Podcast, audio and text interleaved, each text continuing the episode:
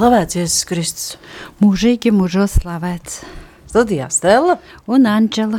Kā lēnām jau tuvojamies Tobita grāmatas izskaņai, bet arī tās pēdējās nodaļās ir ļoti daudz skaistu un vērtīgu lietu, kuras mums der iepazīt un arī sekot šim viņa piemēram.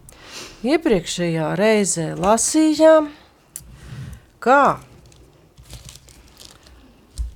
Tobitam un Tobijam, tātad tēvam un dēlam atklājas eņģelis, kad viņš parāda savu īsto identitāti, mazliet arī veicām nelielu ceļojumu caur rakstiem, kur ir vēl e, šādas eņģeļa parādības un ko viņi dara un kur viņi ir klātesoši. Un minējam arī to, ka eņģelis dod Tobitam šo rīkojumu, aicinājumu, jo eņģels tieši jau viņam tā strikti nepavēl, kad uzrakstīt nākamajām paudzēm par šiem Dieva lielajiem darbiem, tātad, lai šī liecība ir nostiprināta un pierakstīta, un var nonākt līdz pat mums.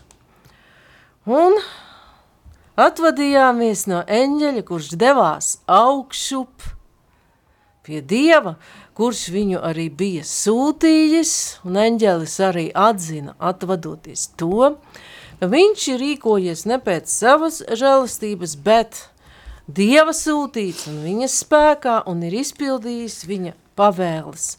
Un tāds īsts teikums mums pievērsa atkal uzmanību, uh, ka eņģelis ir cita veida būtne, kas atsauca atpakaļ jau labu laiku. Anģelis iepriekš lasītu arī no katehisma, kāda veida būtnes ir eņģeļi, ka viņš viņ, uh, nēda, bet tā bija vīzija, ka viņš ēd, tātad viņš ir tāda veida būtne, kurai arī mūsu zemes barība nav nepieciešama, kurš arī savā atveidā izskatā arī nu, kā fiziska būtne, seko pilnīgi citiem likumiem, nekā mums tas ir pierasts. Bet šodien jau mēs lasīsim 13. nodaļu šo Tobita pateicības lūkšanu.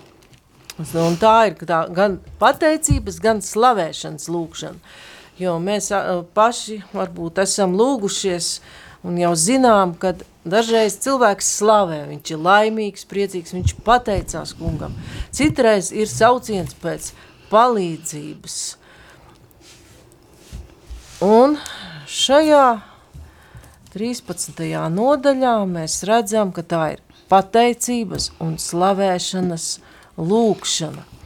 Un pēc saviem vārdiem un izteiksmes pat ļoti atgādina – psalmu, jo psalmu grāmatā, ja mēs atceramies, tur ir visi iespējamie šie lūkšanu veidi, jo šo psalmu lūkšanu autori, tur viņi ir vairāk ne tikai ķēniņš Dāvids, gan sauc pēc palīdzības, gan sūdz Dievam par savu nelaimi, tā, ir kā tādas raudu dziesmas, gan arī pateicas un slavē, ka ir saņemts Dieva atbalsts, viņa klātbūtne un viņa palīdzība.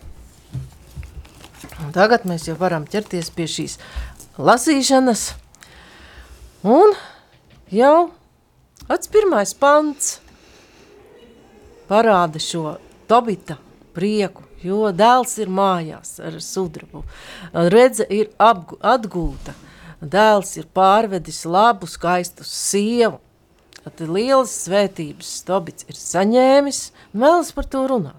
Tad Tobits līksmā prātā uzrakstīja lūkšanas vārdus. Tad viņš bija līksms un šādā garā rakstīja šos lūkšanas vārdus.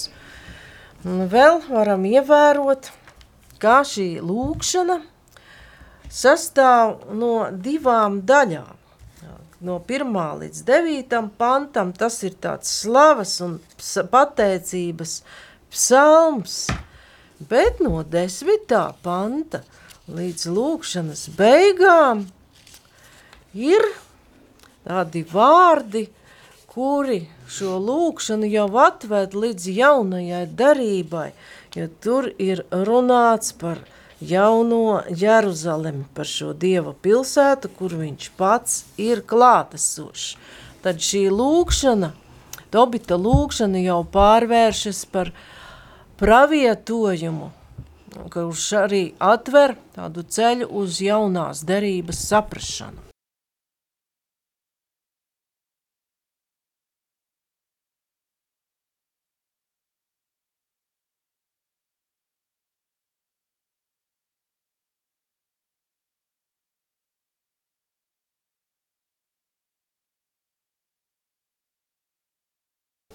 Jā, un tagad arī varētu uh, atcerēties, ka uh, jaunajā derībā Mateja evaņģēlē Jēzus Kristus arī māca savus mācekļus, apustuļus, kā, ir, kā vajag lūgties, ja? tāpēc, ka bija jautājums, lai... Kā lūgt? Kā lūgt jā, Dievu, jā. Un tad, tad mēs varam lasīt Mateja tā piekto nodaļu. Jā, piektā nodaļa. Jā, sestā nodaļa. Sestā, Piekta panta sākums. Kad jūs lūdzat, neesiet kā liekuļi, kuriem patīk sinagogās un uz ielu stūriem stāvēt un ilgi lūgt Dievu, lai cilvēkiem izrādītos. Patiesi es jums saku, tie savu algu jau saņēmuši.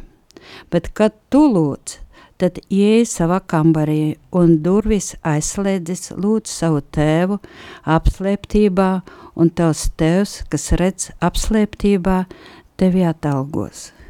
Kad jūs lūdzat, nepļāpājiet kā pagāni. Tie domā, ka savu daudzo vārdu dēļ tiek uzklausīti – Neadariniet viņus, jo jūsu tevs zina, kas jums vajadzīgs, pirms jūs viņu lūdzat. Tādēļ lūdziet tā. Mūsu tevs debesīs, svētīts, lai top tavs vārds, lai nāk tava valstība. Tavs prāts, lai notiek kā debesīs, tā arī virs zemes. Mūsu dienišķo maizi dot mums šodien – un piedot mums mūsu parādus, kā arī mēs piedodam saviem parādniekiem, un neievad mūsu kārdināšanā, bet atpestī mūs no ļauna. Un tagad vēl mēs varam sadzirdēt vēl divus pantus. Tādēļ, ja jūs cilvēkiem viņu pārkāpumus piedosiet, tad jūsu debesu tevs arī jums piedos. Bet ja jūs cilvēkiem nepiedosiet, tad arī jūsu tēvs jūsu pārkāpumus jums nepiedos. Paldies! Un šis uh, Anželas nolasītais fragments ļoti labi savienojas ar Tobita lūkšanu, un atsevišķi jēdzieni pat ir līdzīgi. Jo ko tad Tobits saka? Augstu teikts ir Dievs, un viņa valstība, kas dzīvo uz mūžu mūžiem. Un krievu tulkojumā ir blagas slovļan, ka Dievs ir svētīts. Un svētīts, lai top tavs vārds. Tā tad ir diezgan liela līdzība, un var teikt, ka īsajā kunga lūkšanā ir pat visi lūkšanas veidi kopā – tā, ka tā iesākas atzīstot tēvs, ka Dievs ir pāri, kas esi debesīs. Svētīs, lai top tavs vārds un lai atnāk tava valstība. Un šeit arī Tobits runā par viņa valstību, kas dzīvo uz mūžu mūžiem. Un tālāk viņš jau pievēršas tai, tām, ko var jau attiecināt arī uz šiem pārkāpumiem, jo viņš šausta un apžēlo, noved visdziļākajā pazemē un uzved augšā no lielās pazušanas. Un nav neviena, kas izbēgt viņa rokai. Pateicieties viņam Izrēla dēli pagānu tautu priekšā, jo viņš jūs ir izklīdinājis viņu vidū un šeit atklājis savu varenību. Jo, ja mēs atceramies, kā notikumi risinās Ninīvē, nu, kura tomēr nav izredzētās tautas apsolītā zeme. Tātad Tobits un viņa saime dzīvo pagānu vidū, un varam arī atcerēties, ka šādi notikumi parasti arī bija. Cilvēku pārkāpumu sekas, Pilnīgi iespējams, ka arī šo savstarpēji nepiedoto pārkāpumu sekas, jo savstarpēji neatrisinātas lietas, kā savstarpējā nepiedošana, ved konfliktu tālāk.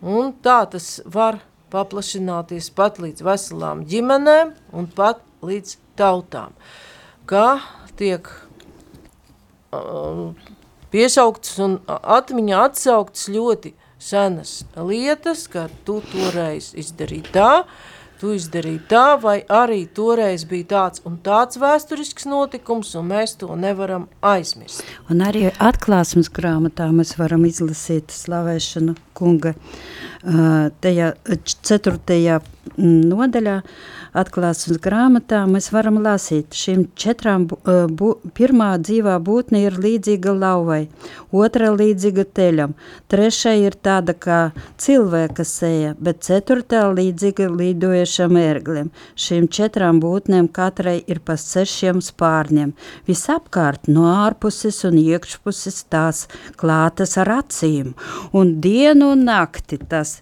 nemirst atkārtot, ne, nerimst atkārtot. Svēts, svēts, svēts Dievs kungs, visvaldītais, kas bija, kas ir un kas nāk.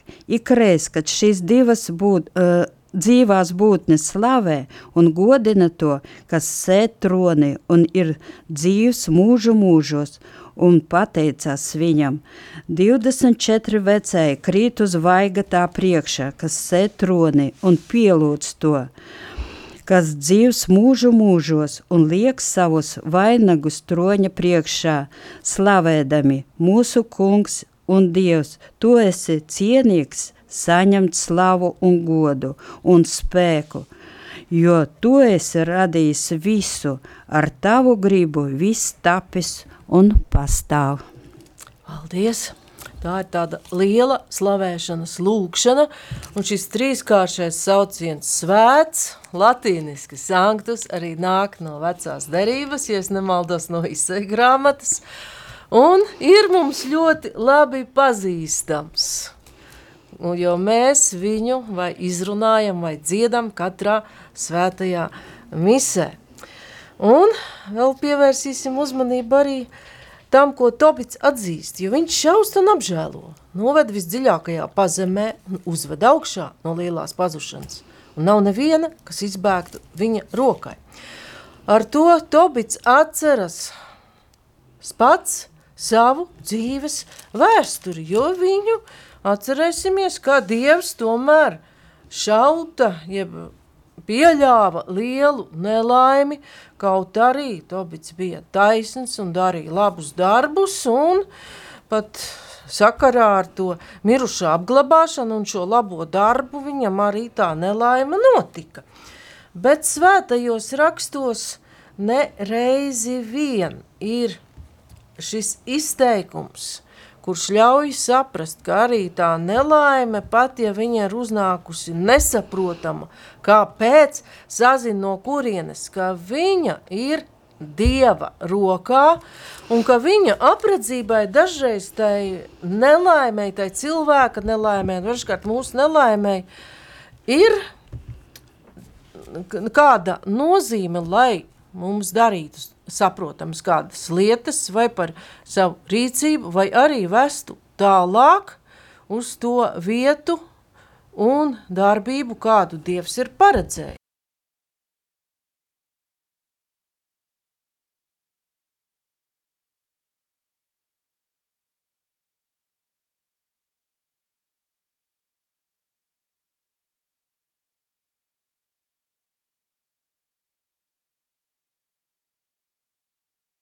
Un šeit arī varētu no, atkal no atklāsmes grāmatas lasīt no pirmās nodaļas Jēzus Jānis septiņām draudzēm Āzijas provincē.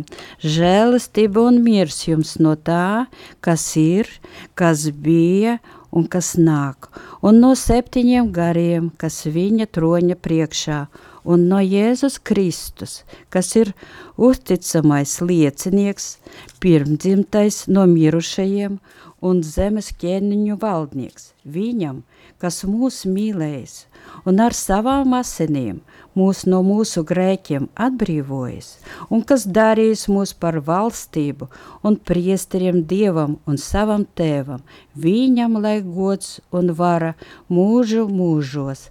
Āmen! Paldies! Tad šeit arī ir šis slavas dziedājums, un pateikts, ka viņa rokās ir šī vara. Un viņš arī mūs atbrīvo no grēka, Jēzus Kristus atbrīvo nos, mūs no grēkiem ar savām asinīm. Un mēs arī no Tobita grāmatas vēlāk tiksim līdz Kristum. Nedaudz varam atcerēties arī par šo Dieva apredzību, pat atkārtotā likuma grāmatā 32, 39. Nu redziet, ka es, es tas esmu, un nav neviena Dieva, vienīgi es. Es nonāvēju, un es daru dzīvu. Es ievainoju, bet es dziedinu, un nav glābēji no manas rokas. Un Ījabam arī bija cieša saskarsme ar tādu neizprotamu nelaimi. Viņam it kā viss bija, bet ja mēs atceramies Ījaba grāmatas šo sākumu, tur mēs izlasītu, šoreiz mēs visu varbūt neskatīsimies, kad Ījaba ciešanas dievs pieļāva viņu pārbaudīdams. Un tā pārbaudēja pa cēloni bija ļaunais gars, jo tas tā dieva priekšā centās Ījabu tā kā nu, pazemināt, ka viņš jau tikai tāpēc uz tevi cer un tevi godā, ka viņam viss ir labi. Un arī pašam Ījabam ir dažādas atziņas un pārliecība par savu taisnību, bet piektā nodaļā, 17. līdz 18. pantā, viens no viņa draugiem, Elifas, atgādina to, ko mēs jau arī runājām, ka Dieva apredzībā ir visi šie pārbaudījumi. Redzi, svētīgs tas cilvēks, kur Dievs pārmāca. Tāpēc nenonicina tā visvaranā pārmācības, jo viņš gan ievaino, bet arī pārsien. Ja viņš ko sit, tad viņa roka atkal dziedina. Tā tad no Dieva rokas nāk gan šis nelaimes pieļāvums, jo nelaimes autors kā, kā autoru mēs Dievu nevaram saukt, jo nu, ļaunais ir labā trūkums. Un arī Hozija 6.1 mēs varētu lasīt, ka viņš saplosa un dziedina.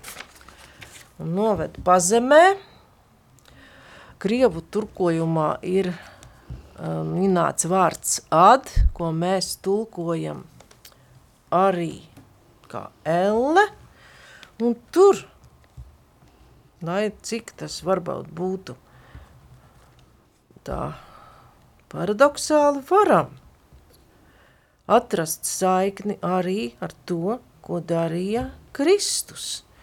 Jo arī Kristus dzīve šķiet, viņa dzīve, par viņa dzīvi lasot par to, kā viņš staigāja labi darīdams, liekas pat nesaprotami, kāpēc Dievs pieļāva viņa dzīvē tādas ciešanas. Bet pirmajā Pētera vēstulē mēs lasam par to, kur tad Kristus pat bija.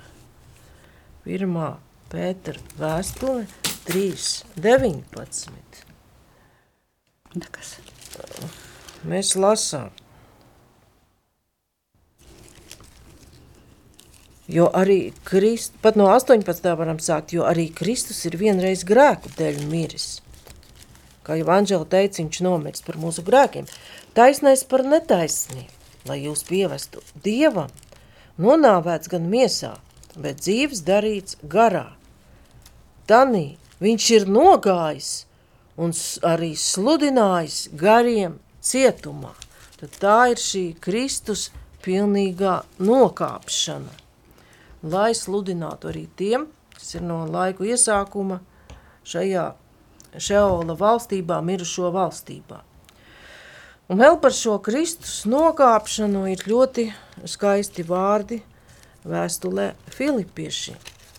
Šī himna par Kristus genozi, kā to sauc teologu valodā, vēstule Filipiešiem, otrā nodaļa –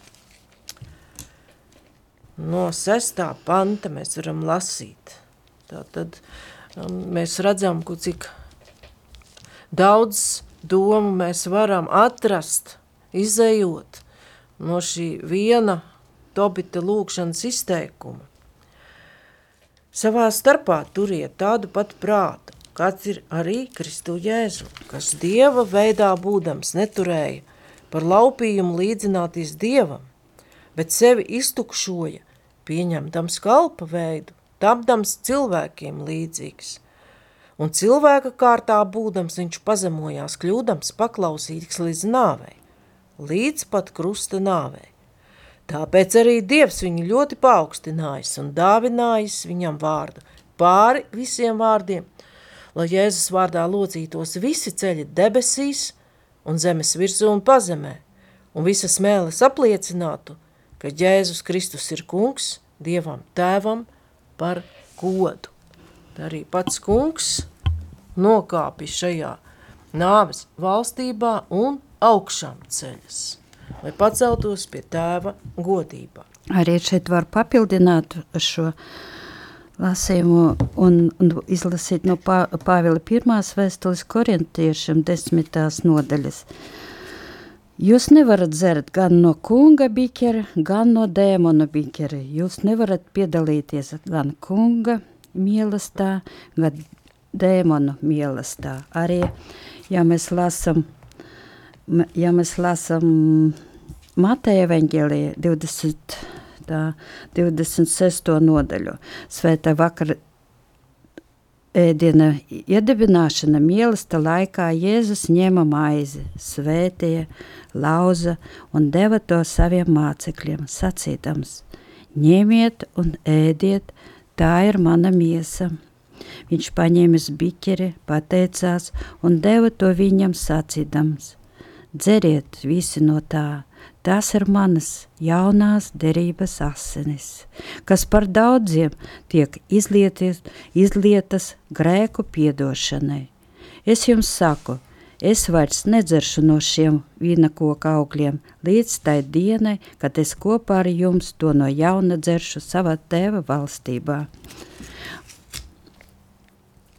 Paldies! Tad šajā fragmentā mēs redzam, ko Jēzus ir darījis cilvēku atpestīšanai un šīs svētā vakarēdienai, Beuharistijas iedibināšanas apraksts, kā paskaidro vēstules Filipiešiem otrās nodaļas domu.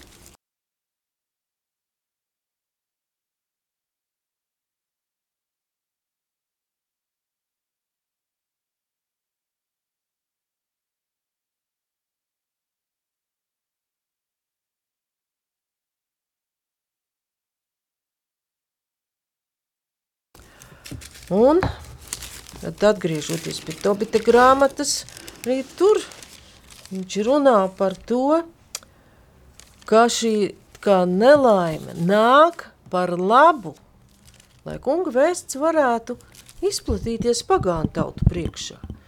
Un, un pat pateicieties viņam, Izraēla dēli, pagānu tautu priekšā, jo viņš jūs ir izklīdinājis viņa vidū. Un šeit atklājas savu varenību.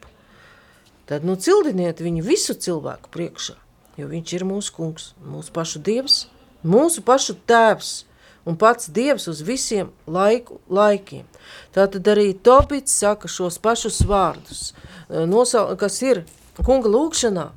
Viņš sauc Dievu par tēvu un atzīst kā labu šo atrašanos pagānu vidū, jo tā ir iespēja liecināt par vienīgo dzīvo Dievu.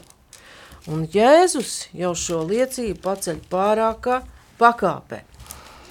Un tas arī liecina, ka mums uh, uh, jāuzticās Dievam bieži, ja, ka uh, liekas, ka tāda situācija ir nepieņemama cilvēkam. Arī Iebam bija ļoti lieli pārbaudījumi. Un vēl mēs ja? Jāzepu varam atcerēties, Jā. jo viņš arī tiek atzīts vecajā derībā kā tāds, nu, prototips Jēzum Kristum. Viņš cieš nevainīgs. Un viņa ceļš uz Eģiptes premjerministra amatu sākas no pārdošanas verdzībā un cietuma. Un vēl tas ir ne tikai ceļš uz amatu, bet šādi caur Jāzepu un viņa ciešanām un nonākšanu faraona galmā tiek sagatavota Eģiptiešu tautas izglābšanās no bada Un arī Esteru mēs lasījām jā. nesen. Jā. nu nesen mēs lasījām, es tieši to arī gribēju teikt, mēs nesen lasījām pa Esteru, kā šī jūda meitene nonākusi ir pagānu vidū varanā Persijas valdnieka galmā. Un tur bija pat gatavots, ļaunprātīgi gatavota šī jūda tautas bojāja un ar viņu vāju cilvēku, ar viņas rokām ar viņas gudrību un uzticēšanos Dievam, ja mēs varam atcerēties, ka viņa nepārtraukti ir lūkšanā kunga priekšā, šī izradzētā tauta tiek izglābta no ļaunprātīga galvenieka intrigā. Un uh, onkls Mordahais, jā? Jā, Kāds? Un arī Mordekais tiek celts lielā godā un kalpo pagānu ķēniņu galmā. Tāpat mēs varam atcerēties arī notikumus Daniela grāmatāši, ka šie ebreju jaunieši paliek pie savas ticības tradīcijām, spēj par to liecināt, un kalpo ķēniņa galmā un paliek pa dzīvi neiespējamās situācijas. Un, un Abrahams izgāja no savas sūras kopā ar savu sievu Sāru, kura Nis, jau nevarēja jā, un izgāja, jā. izgāja tādā veidā, ka mēs teiktu tā, viņš ir galīgi traks, viņam būtu jābauda nodrošinātas vecumdienas. Tas Dievs taču viņam nav pateicis, kas tur tālāk būs. Un Sāra, kura dzemdēja Jā, tādā vecumā. Tā kā um, tur atkal ir redzams tas, ka ir par ko Dievu slavēt, jo viņam visas lietas ir iespējams. Viņam nav neiespējama lieta. Un Tobits tomēr atgādina, ka viņš visus jūs šaustīs par jūsu nelietībām un jūs apžēlos un pasargās no visām pagānu tautām, kur vien jūs būtu starp tām izkaisīti. Tā, ka viņš atgādina par to, ka Dievs šausta un Dievs dziedina, un liekas tā interesanti, pasargās no visām pagānu tautām, kur vien jūs būtu izkaisīti. No vienas puses – ir svētība un labums atrasties starp tām pagānu tautām, no otras puses pasargās. Un tur nav domāts, ka pasargās no šiem cilvēkiem kā tādiem, kuri Dieva radīti, bet pasargās no šiem pagānu tautu ieradumiem. Kad Dievs būs klātesošs un, var teikt, arī pasargās no tādām kļūmīgām situācijām, kur varētu būt slikts iznākums. Jo kā tad bija ar tiem jauniešiem Danielu, Daniela grāmatā? Lau bedrē viņi nonāca. Un ugunī viņi dega. Un ugunā viņi it kā dega, bet nesadega, un tās laus viņus nēd. Un to uh, cilvēku, kas viņiem bija sarūpējuši šo bedri, ņēma un apēd. Tā kā Pēkšņi palika izsalkuši. Pēkšņi viņas palika izsalkušas, jo jaunekļi bija taisni Dievu priekšā un bija taisnīgi arī pret šo valdnieku Nebukadneceru. Da viņi nebaidījās apliecināt savu ticību pagānu tautu vidū.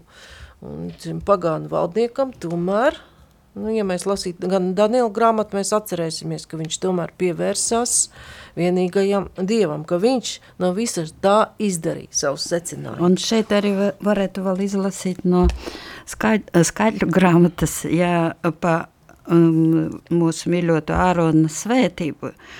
Un kungs sacīja mūzum, saki Āronam un viņa dēliem, tas svētiet Izraēlu dēlus, sakiet tiem, lai kungs tevi svētī, lai tevi sargā, lai kunga vaigs apgaismo tevi, lai žēlo tevi, lai kungs tev pievēršas, lai dod tev mieru, lai tie liek manam vārdam skanēt par Izraēļa dēliem, un es svētīšu viņus. Paldies! Un kā šeit mēs redzam šajā Ārona svētībā, kad lai kungs apgaismo savu vaigu par Izraēļu dēliem un jaunās darības izpratnē jau par mums visiem, kas uz kungu ceram, un dod mieru. Un arī šeit Tobita, uh, Tobija, to, Tobija, Tobita. Tobita, Tobis bija dēls. jā, Man arī jūg. tā, tā, to, uh, Tobita, Uh, grāmatā un sestajā nodaļa pantā viņš saka, solīdams būs viņa priekšā patiesi, un viņš pagriezīsies uz jums un nekad vairs neapslēps savu vaigu no jums. Kungs neapslēps vaigu. Un pagriezīsies? Vien, jā, un vienmēr skatīsies ar jums. Viņš būs ar vaigu uz cilvēku. Un tur ir Tobita grāmata arī atklāja šo priekšnoteikumu, ka viņš apžēlos, kad vien jūs griezīsieties pie viņa ar visu savu sirdi, ar visu savu dvēseli. Un astotajā pantā Tobits aicina atgriezieties grēcinīgi un dariet taisnību viņa priekšā, kas to zina, vai viņš gribēs jūs, un vai parādīs jums žēlsirdību. Tobits uzdod jautājumu, taču Ārona svētībā ir noteikti ietverts šīs kunga svētības un viņa dāvatā miera apsolījums. Un sestais pants ir interesants ar to, ka šeit ir tā, kad jūs griezīsieties pie viņa ar visu savu sirdi, bet krievu tulkojums, ja mēs tulkotu šo tekstu tieši no uh, krievu valodas, tad būtu, ja jūs atgriezīsieties sabrašķeņi, tas ir atgriešanās pie kunga, un jaunās derības izpratnē tā jau ir tā pati metanoja, jeb virziena maiņa, sirds nostājas vaiņa, pievēršanās kungam, tad virziens ir uz kungu, un tad arī viņš atbild ar šo vaiga pievēršanu cilvēkam, tātad viņu sejas sastopas, viņi redz viens otru cilvēks un dievs. Un arī šeit nevar neizlasīt no atkārtotas likuma grāmatas, no sestās nodaļas šo lasījumu. Klausies, Izraēla! Kungs mūsu dievs ir viens kungs. Mīli kungu savu dievu ar visu sirdi, visu dvēseli un visu spēku. Lai šie vārdi, ko es tev šodien pavēlu, ir tev sirdī, piekodini to saviem dēliem, runā uz tiem, kad tu sēdi savā namā, kad tu ej pa ceļu, kad tu gulies un kad tu celies. Piesien tos par zīmi uz savas rokas, un lai tie ir piesprādzēti tev uz pieres, un raksti tos uz sava nama durvju stenderēm un vārtiem. Paldies! Šeit ir šis raksts, raksts norāda uz- Lielākais jā, bauslis. Jā, un arī šo jūdu tradīciju, ka viņi šo lūkšanas tekstu tiešām tiešā nozīmē piesēja pie savas pieres un rokas, un kungu vārdi, sēto rakstu vārdi bija arī pie viņa durvīm, bet arī Tobits, ko viņš saka 8. pantā? Es savas gūsniecības zemē pateicos viņam un rādu grēcinieku tautai viņa spēku un varenību. tad viņš pateicas par to, ka viņš Ninivas pilsētā, asīriešu pilsētā, kas bija tā laika militāra lielvar, var liecināt šai kareivīgajai tautai par Dieva spēku un varenību. Un savu tādu slavēšanas, lūkšanas šo pirmo daļu viņš pabeidz ar cildināšanu. Savu Dievu es cildinu, un mana dvēsele cildina debes ķēniņu un līksmojas par viņa varenību. Tad Tobits ir līksms, ka viņa Dievs ir varēns arī šādā situācijā, kur liekas, nu, it kā nav nekā tik ļoti priecīga. Un viņš apzinās to, ka tas ir Dieva nodoms, ka viņš ar savu saimi atrodas tur, Ninīvē, un var liecināt. Bet raidījuma laiks šodien ir ātri iztecējis un par Jeruzalemi un tās dažādajām nozīmēm mēs runāsim jau nākamajā reizē, bet šodien paldies par uzmanību. Studijā bija Stella un Anģela.